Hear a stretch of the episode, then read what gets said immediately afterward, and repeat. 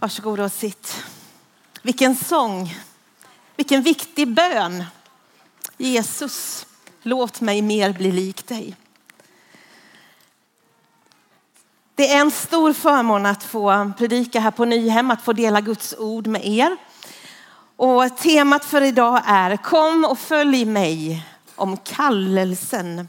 Och jag vill börja med att läsa bibelordet ifrån Matteus evangeliet 4 och vers 18 till 20. När han vandrade utmed Galileiska sjön fick han se två bröder, Simon som kallas Petrus och hans bror Andreas. De stod vid sjön och fiskade med kastnät för de var fiskare. Han sa till dem, kom och följ mig. Jag ska göra er till människofiskare. Och de lämnade genast sina nät och följde honom. Nu ber jag helige ande att du skulle komma och lysa på Jesus Kristus. Och jag ber att när vi går härifrån så ska vi på ett ännu tydligare sätt vara dina efterföljare Jesus. Kom och var oss nära och led den här stunden. I Jesu namn. Amen. Kom och följ mig. Vem är han som säger de orden? Kan man lita på honom? Är han värd att följa? Vem följer du? Och hur många följer dig? De frågorna kan vara ganska aktuella idag när väldigt många lever sina liv på nätet. Men här handlar det inte om följare i sociala medier utan här handlar det om något helt annat. Jesu ord och tonen när han säger kom och följ mig. De vände helt upp och ner på tolv unga män och deras liv och satte dem i sån rörelse att vi ser konsekvenserna av detta till och med idag. Följ mig är ord som har vänt upp och ner på människors liv, samhällen, länder. Allt sedan Jesus först uttalade de här orden. Att följa Jesus, det är ingen fritidssysselsättning utan det är någonting som påverkar hela livet. Han är mästaren och vi är kallade, vi är inbjudna att vara hans efterföljare, hans lärjungar, precis som Petrus och Andreas. De första lärjungarna de såg ju Jesus sådär konkret, de kunde ta på honom, de kunde följa en fysisk person. Och vi kan ju undra, hur ska det vara möjligt för oss? Men vi har precis samma förutsättningar som Paulus och de första kristna som kom till tro efter hans himmelsfärd. Vi kan följa honom. Vi kan följa honom nära och vi kan också vittna om honom. När Jesus säger kom och följ mig, jag ska göra er till människofiskare. Vad innebär det och vad innebär den kallelsen som vi fick i de här orden? Jag vill utifrån tre olika perspektiv tala om kallelsen utifrån den här bibeltexten. Kallad till gemenskap med Jesus, kallad att följa Jesus vart än vägen går och kallad till människofiskare. Och mitt i predikan så kommer ni att få höra tre vittnesbörd av människor som står mig väldigt nära som ska vittna om hur det är att följa Jesus 2019. Vi börjar med kallad till gemenskap. Kom. Det är det första Jesus säger och framför allt så är vi kallade att leva i gemenskap med honom. Det var så vi skapades. För att ha goda relationer med Gud, med andra människor, med varandra, med hela skapelsen. Men synden bryter, skadar relationer. Och det är som att det där ropet ifrån första stund när Adam och Eva syndade och gömde sig för Gud. Det ropet fortsätter när, när Gud ropar Adam, var är du? Kom, ropar Gud och har gjort sedan dess. Därför att han längtar efter gemenskap med sin skapelse, med dig och mig. Det var därför Jesus kom för att upprätta hela det som har gått sönder. Första Korinthierbrevet 1 och 9 säger Gud är trofast som har kallat er till gemenskap med sin son Jesus Kristus, vår Herre. Och om du undrar någon gång vad du är kallad till så är du först och främst kallad till gemenskap med Gud själv genom Jesus Kristus. Men eftersom vi lever i ett prestationssamhälle så är det så många av oss som tar med oss prestation in i vår relation. Jag orkar inte mer. Jag är fylld av krav. Jag orkar inte följa Jesus. Men lyssna på de här orden som Jesus säger. Lyssna på tonen, Matteus 11 och 28. Kom till mig, alla ni som är tyngda av bördor jag ska skänka er vila. Ta på er mitt ok och lär av mig som har ett milt och ödmjukt hjärta så ska ni finna vila för er själ. Mitt ok är skonsamt och min börda är lätt. Kom till mig. Det gäller för dig idag, du som är tyngd av bördor, vad det än må vara. Ett annat ord från Johannes 7 och 37. Är någon törstig så kom till mig och drick. Den som tror på mig, ur hans inre ska flyta strömmar av levande vatten som skriften säger. Detta sa han om anden som de som trodde på honom skulle få. Kallelse handlar inte om prestation. Det handlar först och främst om relation med Jesus själv. Och när vi vilar i den relationen, då kommer våra liv att förvandlas. Hör vad Jesus säger i Johannes 15 och 5. Om någon är kvar i mig, mina ord är i honom, så bär han rik frukt. För utan mig kan ni ingenting göra. Precis som frukten inte kan bära frukt av sig själv om den inte är kvar i trädet så kan inte vi göra någonting om inte vi förblir i honom. Men när vi gör det, då händer någonting. Så det är det första, vi får aldrig tappa det. Sen är vi kallade att följa Jesus vart än vägen går. När Jesus kallar lärjungarna på den tiden så var det vanligt att eh, man kunde få bli lärjunge hos en judisk rabbin. Man kunde ansöka, kanske ungefär som vi gör på högskolan eller till universitetet och se om han fick komma med. Men Jesus, han går själv och kallar sina lärjungar personligen. Han tar första kontakten och i Guds rike är det alltid så att det är Gud som tar första initiativet. Och han påminner lärjungarna om det i sitt avskedstal i Johannes 15 och 16. Ni har inte utvalt mig, utan jag har utvalt er och bestämt er till att gå ut i världen och bära frukt frukt som består. Vi har gjort våra val. Vi har valt Jesus, många av oss som är här. Men han har valt oss först. Han, vi älskar därför att han först har älskat oss. Vi talar ofta om att vi är kristna. Men det ordet används inte så ofta i Nya Testamentet. Lärjunge används däremot massor av gånger. Någon har räknat till 264 gånger i evangelierna och i apostlagärningarna. Vi är kallade att vara lärjungar, att följa Jesus. Den här radikala texten som vi nyss läste, den är på något sätt en påminnelse eller det finns en likhet i gamla testamentet. Första Mosebok 12, där står det Herren sa till Abraham, lämna ditt land, din släkt och ditt hem och gå till ett land som jag ska visa dig. Jag ska göra dig till ett stort folk, jag ska välsigna dig och göra ditt namn så stort att det ska brukas när man välsignar. Abraham bröt upp som Herren hade befallt och Lot följde med honom. Abraham var 75 år när han lämnade Haran. Så började de sin vandring mot Kanan.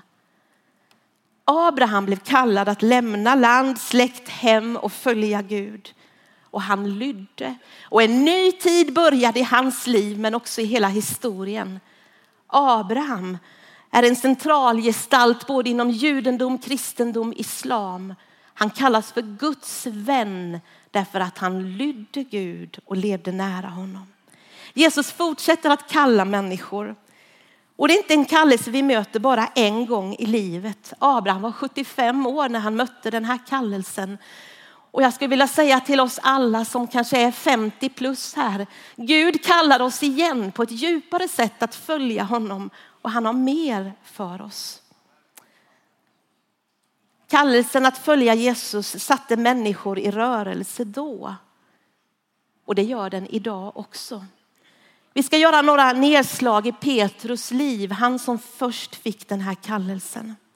Förmodligen så hade Petrus inga större drömmar och tankar om sitt liv mer än att han skulle fortsätta vara fiskare hela sitt liv. Det var ju det man var när man var uppvuxen vid Genesarets strand, när man i generationer hade varit fiskare. Men en dag så kommer Jesus och kallar honom och han säger jag har något mer för dig. Ditt liv ska bli större, det ska bli djupare. Och så kallas han att bli människofiskare. Och Petrus och de andra de lämnade allt och följde Jesus. Det är inte så att det alltid är så att man ska lämna sitt yrke och göra någonting helt annat. För en del är det så. Men Paulus, han var fortfarande tältmakare.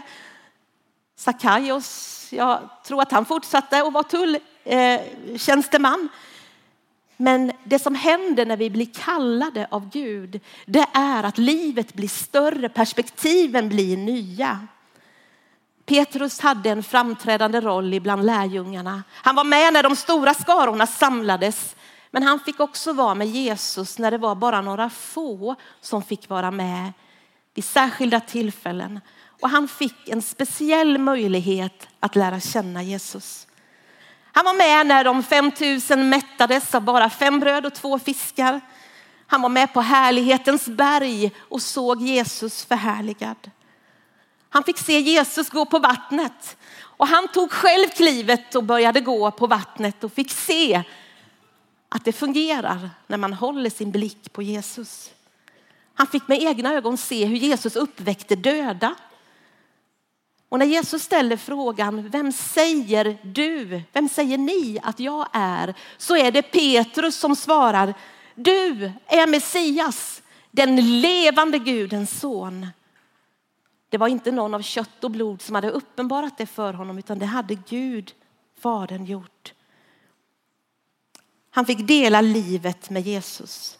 Men han fick också höra Jesus tala om att det finns ett pris för att vara en lärjunge. Det kommer inte alltid att vara lätt. Lukas 9 och 23 säger så här. Om någon vill gå i mina spår måste han förneka sig själv och varje dag ta sitt kors på och följa mig. Ty den som vill rädda sitt liv ska mista det, men den som mister sitt liv för min skull, han ska rädda det. Petrus och de som hörde det här ordet först, de hade förmodligen sett dödsdömda bära sina kors till avrättningsplatsen. Ändå var det svårt för dem att förstå vad det skulle innebära för dem personligen att följa Jesus. De här orden innehåller både en varning och ett löfte. Och varningen handlar om självupptagenhet. Den som vill rädda sitt liv, han ska mista det. Jesus varnar för ett liv där vi själva är i centrum. Där allting kretsar kring mig och min bekvämlighet, mitt anseende, min familj, min framtid, mina vänner, min utbildning, mitt arbete, min karriär eller vad det nu kan vara för någonting. Jesus säger att vara självupptagen, att försöka göra allt för att bevara sitt liv, det är att mista livet. Vi var aldrig tänkta för att leva ett liv för oss själva, att krampaktigt hålla fast. Vi ska förvalta, men vi, men vi ska inte göra allt för att bevara vårt liv. Men Jesus säger den som mister sitt liv för min skull, han ska rädda det. Jesus var inte upptagen med att rädda sitt eget liv. Hela hans inriktning var att rädda oss, att rädda människor. Och den som följer i hans fotspår, han kommer att vinna livet, säger Jesus. Det var många då, precis som det är nu, som ville följa Jesus, men alla hade inte förstått att om man ska vara Jesu efterföljare på allvar, då måste relationen till honom komma före alla andra relationer. Jag lever idag nära ett antal, många konvertiter som har erfarenhet av att deras familj, släkt och vänner har vänt sig bort ifrån dem när de har valt att följa Jesus. Och deras liv och efterföljelse utmanar mig och gör någonting i mitt liv. Petrus, han försäkrar Jesus att han ska gå i döden med honom. Om alla andra ska överge så ska inte jag göra det, säger Petrus. Men det växlade snabbt i hans liv. Han försvarar Jesus när soldaterna kommer. Han hugger till och med av örat på en av dem. Men kort därefter så står han ensam och blir lite utsatt och pressad. Och han till och med förnekar att han ens känner Jesus som han har varit så nära i dessa år och följt på så nära håll. Tre gånger säger han och han svär och han säger jag känner inte den mannen. Då går tuppen och Petrus får en blick av Jesus och han är förkrossad och han ångrar sig och han gråter bittert. Jag vet inte hur jag skulle klarat den utsattheten eller hur jag skulle klarat att bli skickad till Afghanistan som konvertit där det är det näst farligaste landet i världen att leva som en konvertit, överlåten kristen. Det är många kristna utöver vår värld som får lida en stark förföljelse, som betalar ett starkt pris, men som är så övertygade och passionerade i sin relation till Jesus. På påskdagen så var Petrus med vid graven på morgonen. Han var med på kvällen när de satt innanför reglade dörrar av rädsla för judarna. Han var med när Jesus uppenbarade sig som uppstånden. Men ändå var det som att han inte riktigt kunde glädja sig. Det var någonting över hans liv som var mörker, som var sorg och förtvivlan. Men sen läser vi i Johannes det 21 kapitlet att han och några vänner till honom, de ger sig ut för att fiska en tidig morgon. Den natten fick de ingenting. Det som var deras yrke, det som var deras mest invanda, ingenting lyckades. Men på stranden står Jesus. Han hade lagat frukost. Och när Petrus förstod att det var Jesus så kastade han sig i vattnet. Han vill göra allt för att komma och för att få den här närheten upprättad igen. Efter att de har ätit så säger Jesus, Petrus, älskar du mig? Inte ett ord om hur kunde du? Utan Jesus, älskar du mig? Och tre gånger får Petrus tala om, inte med en kaxighet, inte med stora ord, utan med en brutenhet, en ödmjukhet. Jesus, du vet allt. Du vet att jag har dig kär. Och så möter han kallelsen att vara en, en herde, att föra lammen på bete, att vara en herde för fåren, att föra fåren på bete. Och den här självfördömelsen, det här självföraktet som han hade haft över sitt liv, det byts mot ett spirande hopp, en spirande glädje att faktiskt Jesus Kristus skulle kunna ha användning för honom. Men när de står där i samtalet så sneglar Petrus på Johannes och så säger han, hur ska det bli med honom? Men då säger Jesus i Johannes 21 och 21, om jag vill att han ska bli kvar här tills jag kommer, vad rör det dig? Du ska följa mig. Och så får han igen de här orden, Följ mig. Det handlar om ditt liv. Oavsett vad andra gör eller vad andra väljer. Du ska följa mig. Nu ska ni få möta några människor som eh, ska få berätta om vad tro och efterföljelse till Jesus har fått betyda i deras liv. Och vi välkomnar Ulrika och Amir.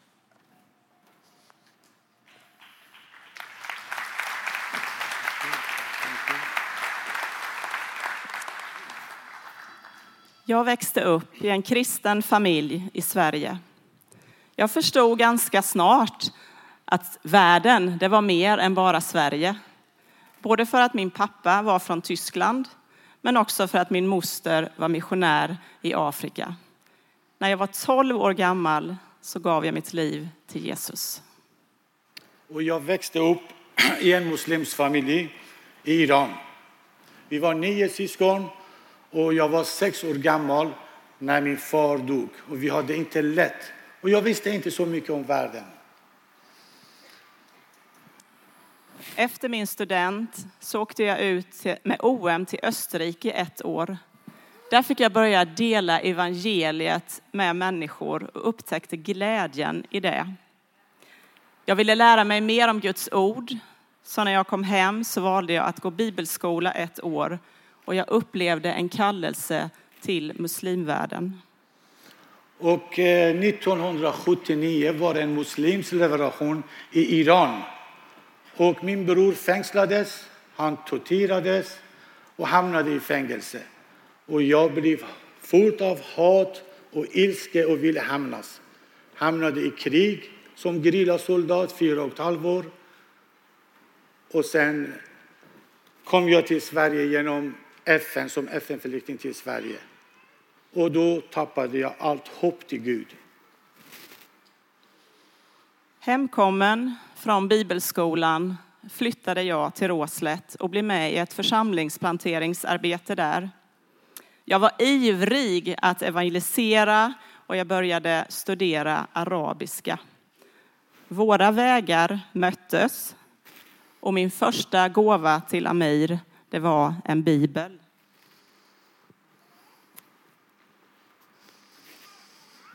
Gud sökte mig och jag hade en inre kamp. Men han vann. Jag överlämnade mitt liv till Jesus Kristus, precis vid den korsen.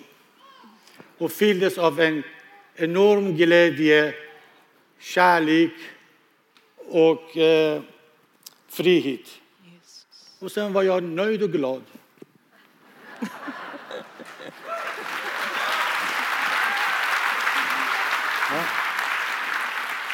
Vi blev ett par. Vi gifte oss. Vi fick barn. Så plötsligt kom Amirs fem brorsbarn som ensamkommande barn till Sverige och flyttade hem till oss. Jag kämpade med en längtan efter att jag ville tjäna Gud på missionsfältet. Och jag förstod inte att jag redan stod mitt i ett missionsfält, Amirs muslimska familj. Jag var nöjd som det var. Men sen fick jag en erbjudande att åka med en resa till Tadzjikistan. Där var jag och vittnade varje dag om Jesus Kristus. Jag fick så glädje och eh, var riktigt glad. Eh, och så fattade jag själv att det här är det Gud som har kallat mig, att vittna för människor. Därefter valde jag och bestämde jag att gå till Lärjungaskolan i sex månader. Och nu fick vi börja tjäna tillsammans. Vi fick se jättemånga iranier komma till tro och vi upplevde så mycket glädje. Men det var också år som var kantade av väldigt mycket svårigheter och prövningar. Gud han fick ansa våra liv många gånger under den här tiden. Men Gud ansar för att våra liv ska få bära mer frukt. Och idag får vi stå mitt i en väckelse. De senaste tio åren över hundra stycken afghaner och iranier har döpt sig i Jönköpings pingstkyrka.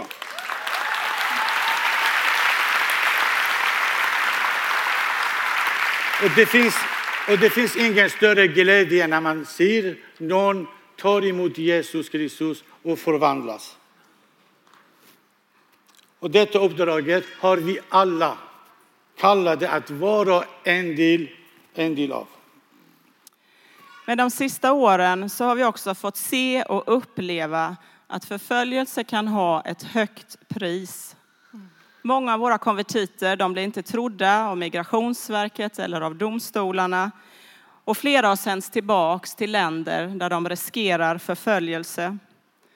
Trots dessa risker så väljer människor gång på gång att ge sina liv till Jesus. Och det gör något i mitt hjärta. Och jag frågar mig, vad är jag beredd att betala för att människor ska få höra om Jesus? Tack Ulrika och Amir för att ni ville dela. Lite av den resan ni har gjort. Och jag är så otroligt tacksam att vi får stå tillsammans, att jag får jobba nära er. Och det är fullt upp med lärjungaträning och med jobb med integration. Men det är så välsignat. Och nu så, tack ska ni ha, så ska ni få se en film på en av våra konvertiter som ger sitt vittnesbörd. Och av säkerhetsskäl så kommer vi inte att visa hans ansikte eller tala om hans namn. Men vi känner honom mycket väl. Lyssna på vad det är han säger och den glöd som bor i hans hjärta. Kan du berätta lite grann om din bakgrund? Min bakgrund, jag kommer från Afghanistan och jag har vuxit upp i en familjehem som var muslim. Och jag har varit aldrig i skolan tills jag kom till Sverige. Och när kom du till Sverige? På 2015, 18 november. Och när lärde du känna Jesus? Det första mötet med Jesus var från skolan. När jag, vi började i skolan, då där vi läste olika religioner. Då där vi sett en kort film om Jesus, hur han kom till jorden, hur han gick på korset och vem var han? Och det där, min tårar kommit och jag har blivit törstig och jag har blivit hungrig efter honom. Så när du såg filmen så hände någonting med dig?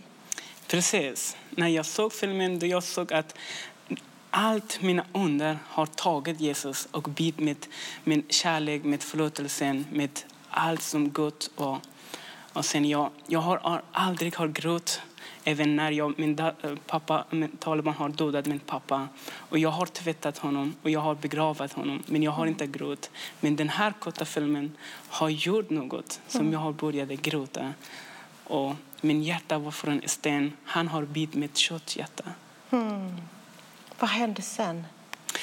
Eh, sen jag började leta efter honom, men tyvärr jag kunde inte för att jag var ensam och jag kunde inte så mycket svenska heller.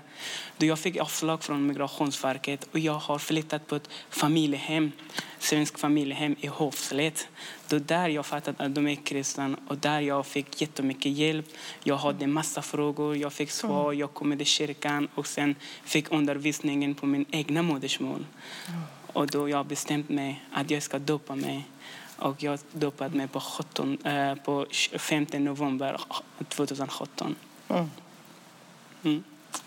När du kommer då från en muslimsk bakgrund och blir kristen, har du märkt av någon form av förföljelse eller svårigheter när du har tagit emot Jesus? Jättemycket, självklart. Jättemycket svårighet. Jag har det och jag har fortfarande. Bland annat, jag har tappat min kontakt med familj med min egna familj som bor i Afghanistan. När jag sagt till dem att jag är kristen och de tyvärr, de sa ja, vi har ingen barn längre som du. Du är död för oss. Det är den här stora prisen jag har eh, betalat eh, eh, för Jesus, att följa honom. Inte jag bara, många afghaner, iranier som de kommer från en bakgrund muslim och blir kristen. De kostar en stor för dem att följa Jesus. Mm. Jag var jättemårdålig efter den och jag var hemma en dag och jag läste Bibeln och jag kom på en bibelvers, Matteus 19, 29. Var och en som har lämnat hus eller bröder eller systrar eller far eller mor eller barn eller åkrar för mitt namns skull, han får hundrafalt igen och ärva evigt liv. Mm. när jag läste den här, jag var hemma ensam. Jag har bara skrik och sa halleluja Jesus. När jag kommer i kyrkan, när jag ser tusen, tusen personer sitter och, se, och tjejer, killar, barn, mm. kvinna, man. Jag säger det här är min familj. Jag fick redan den här, här nu. Jag fick många många far, många bror, många syster. Jag är jättetacksam av Jesus att jag idag jag har läst hans ord och jag, mm. jag tror och jag vet att det är sanningen mm. som han säger. Ja, fantastiskt att höra. Vad betyder Jesus för dig idag? Jesus betyder jättemycket för mig. Det betyder så mycket att jag kan inte beskriva med något ord att vad betyder Jesus för mig. Men jag kan säga så här att min hjärta är mitt liv. Det pumpar hela, äh, blod på hela kroppen. Om min hjärta stannar att pumpa blod, då jag kommer att dö. Det Jesus är min hjärta. Mm. Han jobbar hela tiden på mig. Han har planer för mig. Även när jag sover på sängen, han jobbar och pumpar blod på min hela kropp. Det betyder så mycket Jesus för mig. Även jag, en kille som har kommit från en, en muslimsk bakgrund och kan inte läsa och skriva sina egna modersmål. Idag vittnar för tusen, tusen pers vem han är och vad har han gjort för mig den här Herren som han gav mig. Jag är jättetacksam att idag jag kan vittna för hans namn och vet vem han är. Tack så jättemycket för ditt starka vittnesbörd. Mm, tack Gud själv. välsigna dig. Tack så mycket.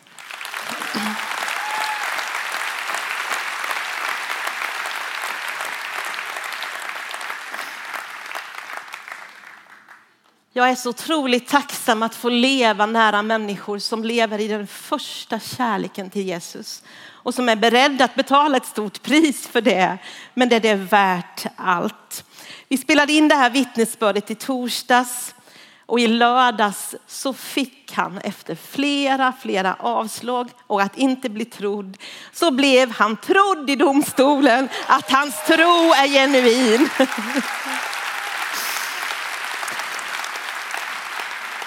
Och tänk alla dessa vittnesbörd som i migrationsverk och domstol efter domstol. Tänk vad mycket om Jesus de får höra. Det är helt fantastiskt. Samtidigt så ber vi nu för alla de som inte blir trodda, som är på flykt till ett annat land i Europa, som av rädsla gömmer sig här i Sverige eller som är skickade tillbaka till Afghanistan. Så låt oss verkligen komma ihåg att be för våra systrar och bröder. Låt oss också be för migrationsverk, domstolar, våra politiker. Låt oss be för de länder de kommer ifrån där det råder extrem förföljelse och där man måste gömma undan sin tro, där det inte går att leva ut den fritt. Och låt oss be för oss själva och våra egna liv och låt oss smitta smittas av att vi får stå i en stor väckelse just nu. Det finns ett stort och brett engagemang kring de här nyanlända.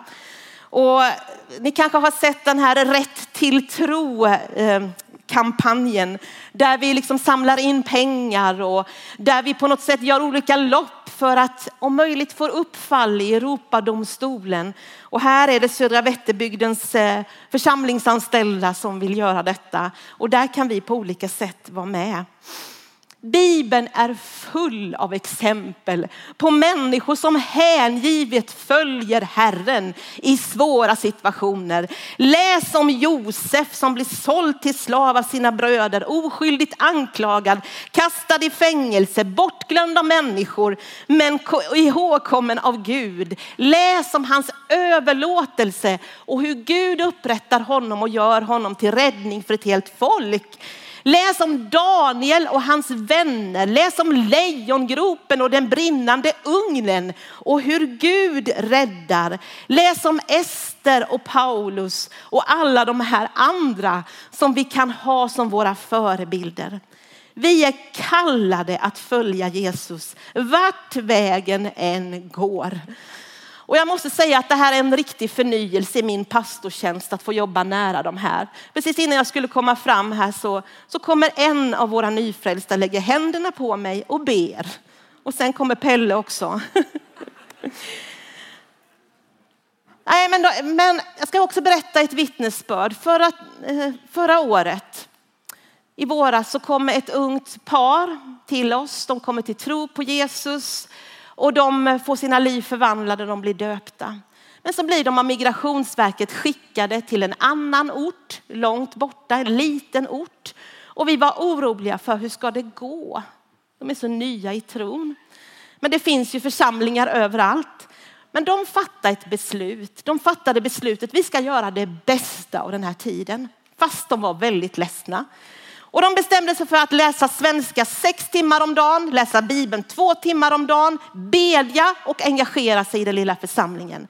Efter ett, nästan ett år kommer de tillbaka, talar nästan flytande svenska, har växt som lärjungar, har lärt sig att bedja och det här är fantastiskt.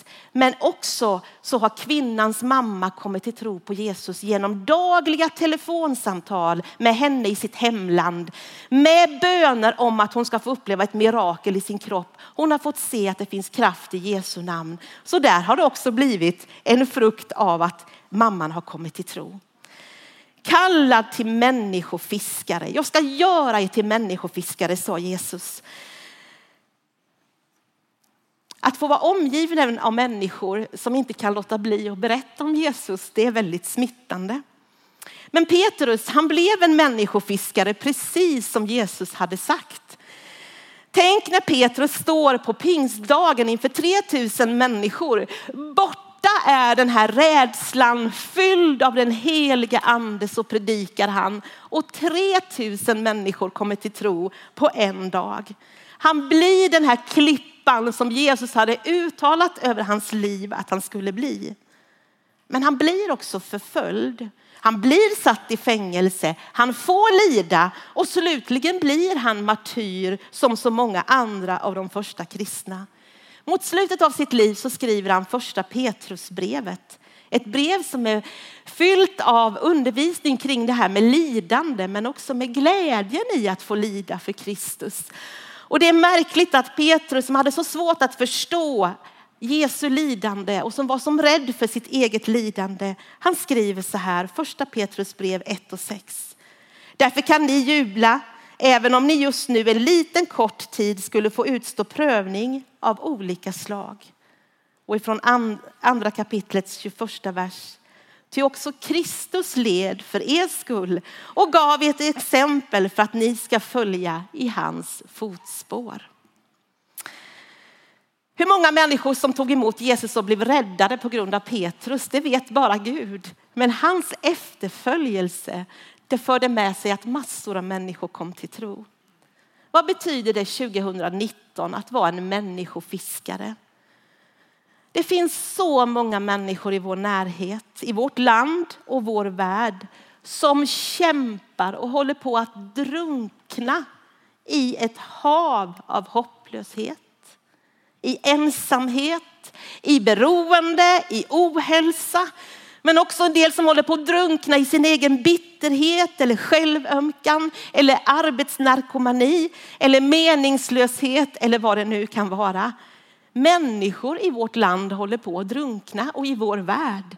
Men vi är kallade att vara människofiskare som får komma med hopp, som får peka på Jesus, som får visa att det finns ett annat liv att leva. Vi hamnar så lätt i hjulspår och gör som vi alltid har gjort, går de vägar som vi alltid har gått. Men Jesus Kristus själv, han är här för att kalla oss idag att följa honom. Och när vi följer honom så blir hela vårt perspektiv nytt. Slutmålet för vår efterföljelse är att i evighet få vara tillsammans med Jesus. Och tycker vi att det är lite kämpigt här, för det kan det vara ibland, så behöver vi ha det här målet för våra ögon. Vi läser ifrån Uppenbarelseboken 7, en fantastisk bild av framtiden. Sen såg jag och se en stor skara som ingen kunde räkna av alla folk och stammar, länder och språk. De stod inför tronen och lammet klädda i vita kläder med palmkvistar i sina händer. Och de ropade med hög röst, frälsningen finns hos vår Gud som sitter på tronen och hos lammet. Och så från vers 16. De ska inte längre hungra och inte längre törsta. Varken sol eller någon annan hetta ska träffa dem.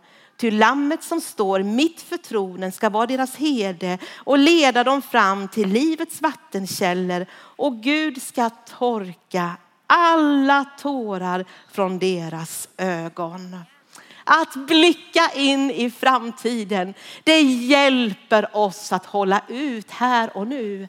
Även om det skulle vara tufft för oss så har vi ett mål där allting ska återställas och där vi ska få vara med Jesus.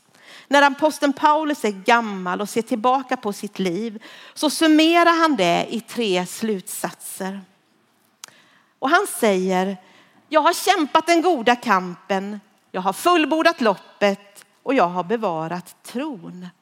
Jag önskar så att jag skulle kunna säga samma sak när mitt liv börjar rinna ut mot slutet. Att följa Jesus började Paulus göra istället för att förfölja honom. Den goda kampen, det är att följa Jesus. Det är att stå upp för allas rätt till tro. Och det är att kämpa för att alla ska få höra om Jesus. Det här loppet som vi är involverade i, det börjar ju med frälsningen och det slutar med himlen. Men någonstans däremellan så är vi ju på väg. Och ibland är det så mycket uppförbackar. Och en del människor de känner att det är bara uppför i mitt liv. Men det finns ju också nerförbackar där det nästan går av sig själv och ibland planar det ut. Det går upp och ner i våra liv. Men låt oss hjälpas åt att hålla ut i det loppet som vi har fått, i den kallelse som vi alla har fått att följa Jesus. En dag är vi på upploppet hörni. Och vi ska inte tappa det, utan där på upploppet, vi ska bevara tron och hålla ut. Under de senaste månaderna så har jag förlorat flera människor i min närhet. Två unga och sen min egen mamma. Och där på upploppet så blir det ju så viktigt att få bevara tron. Och jag är så tacksam att fast min mamma hade det så svårt på slutet, att hon fick bevara tron. Det är det viktigaste och där kämpar en del. Men låt oss hjälpas åt att hålla ut och att bevara tron. Jesus kommer till dig och mig just nu och han står här. Och han kommer till ditt liv där du står vid dina nät som är din vardag. Och han säger till dig och han säger till mig, kom och följ mig. Jag ska göra dig till människofiskare. Och det här kan vi förverkliga i vilka yttre omständigheter som helst. Redan innan vi föddes så la Gud någonting över våra liv. Innan vi ens hade presterat någonting. Frank Mangs, en älskad evangelist som är hemma hos Herren sedan många år. Han säger att jag upptäckte evangelisten inom mig. Det finns någonting nedlagt i dig och mig som när vi följer Jesus, då får vi också upptäcka ännu mer av vilken specifik plan han har för våra liv.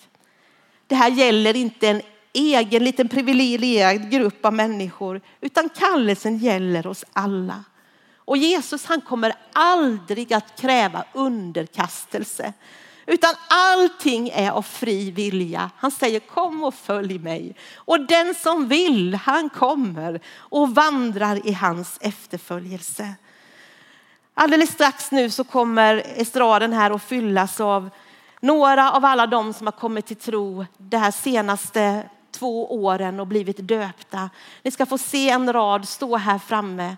Inte för att det ska vara välsjungande, men för att det ska bli en påminnelse om att om människor bestämmer sig för att följa Jesus, då kommer andra att följa efter. Din överlåtelse kommer att påverka så många människor.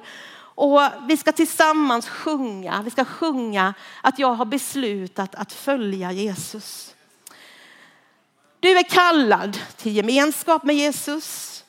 Du och jag är kallade att ni kan komma in. Jag tror att ni står där bakom. Vi är kallade att följa Jesus vart än vägen går. Och vi är kallade att vara människofiskare. Det är strax dags för förbön. Kom hörni. Ett helt gäng har vi fått med oss här idag. De ska få stå här och leda sången tillsammans med oss. Det är strax dags för förbön och det ska bli möjlighet att få på olika sätt söka förbön för ditt liv. Men jag tänker att när vi står här och vi ser de här som är ett exempel på vad Gud har gjort de sista bara par åren av människor som från olika eh, svåra situationer har fått eh, lära känna Jesus och möta honom. Så hoppas jag att det ska ge dig hopp och det ska ge dig glädje.